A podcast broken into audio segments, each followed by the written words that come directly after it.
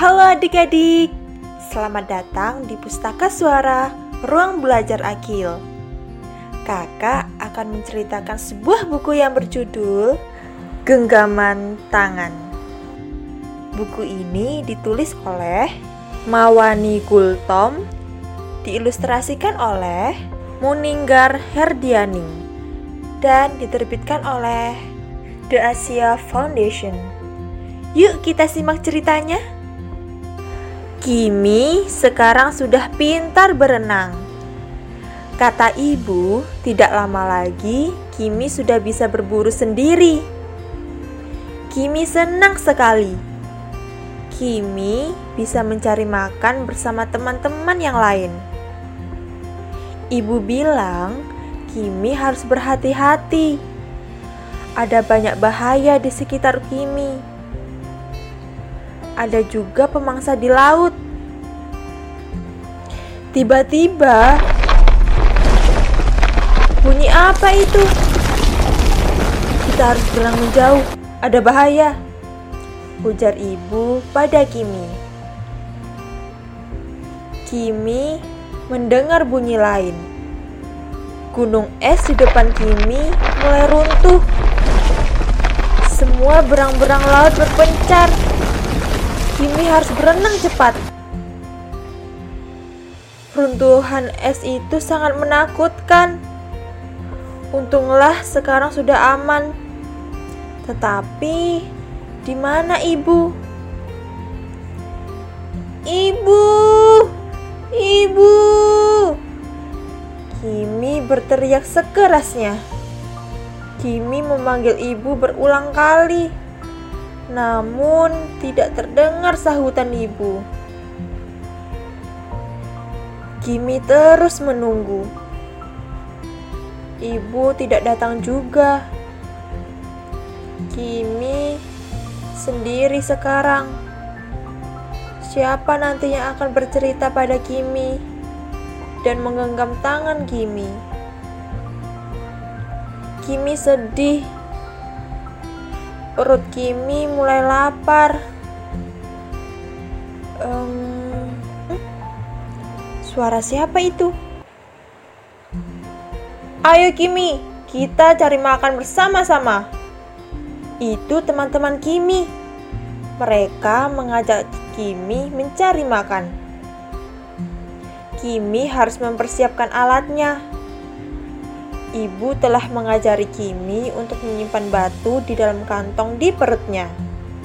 Batu itu akan memudahkan Kimi membuka kulit kerang. Kimi berusaha untuk tidak sedih lagi. Kimi sekarang punya banyak teman. Ayo berburu bersama-sama, ajak teman-teman Kimi kami akan mengajarimu. Kimi senang, tetapi juga agak kesal. Kimi kurang suka disuruh-suruh oleh teman-temannya. Kimi juga harus mengamati cara teman-temannya berburu. Ah, Kimi tahu. Ibu sudah mengajari Kimi caranya. Teman-temannya melarang Kimi pergi ke tempat jauh. Kimi harus menunggu di tempat yang aman. Kimi makin kesal. Hmm, Kimi bosan harus terus menunggu. Di bawah sana ada apa ya? Mungkin ada yang menarik. Tentu tidak ada apa-apa kalau dia menyelam sebentar saja.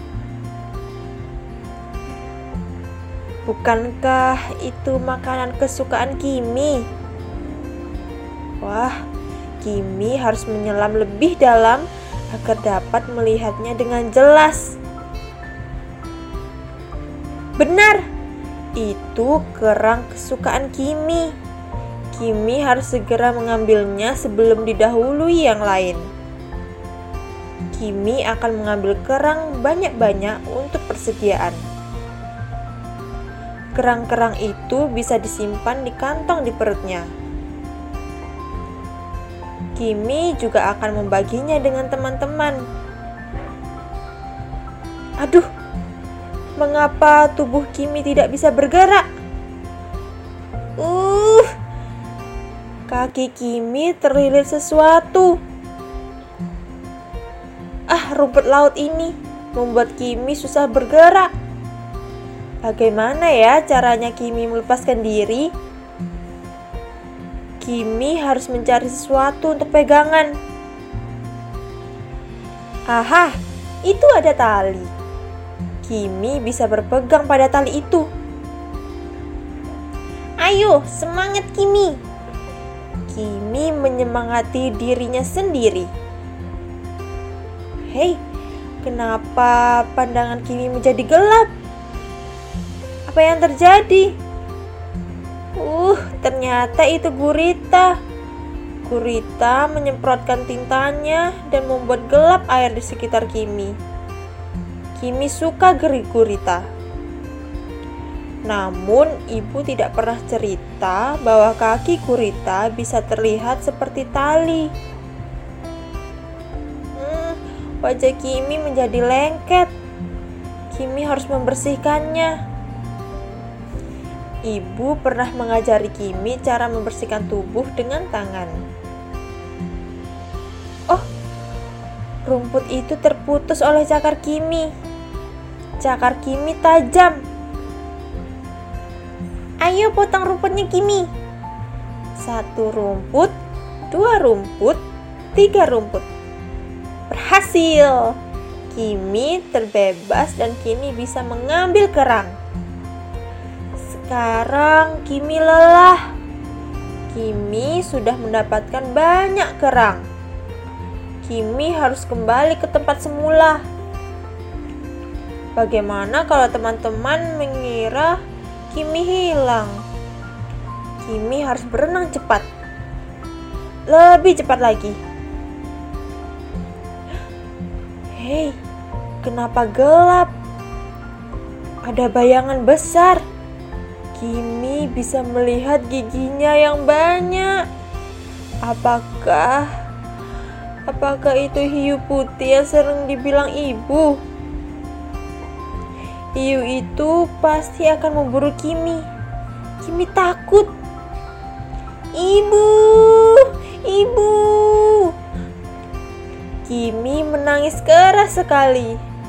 Kimi tidak tahu apa yang harus dilakukannya. Tiba-tiba, Kimi merasakan sesuatu menyentuh tubuhnya. Kimi semakin takut. Ah, tidak lepaskan aku. Jangan makan aku. Kimi berusaha menarik tangannya. Kimi mengira hiu putih itu sudah menangkapnya.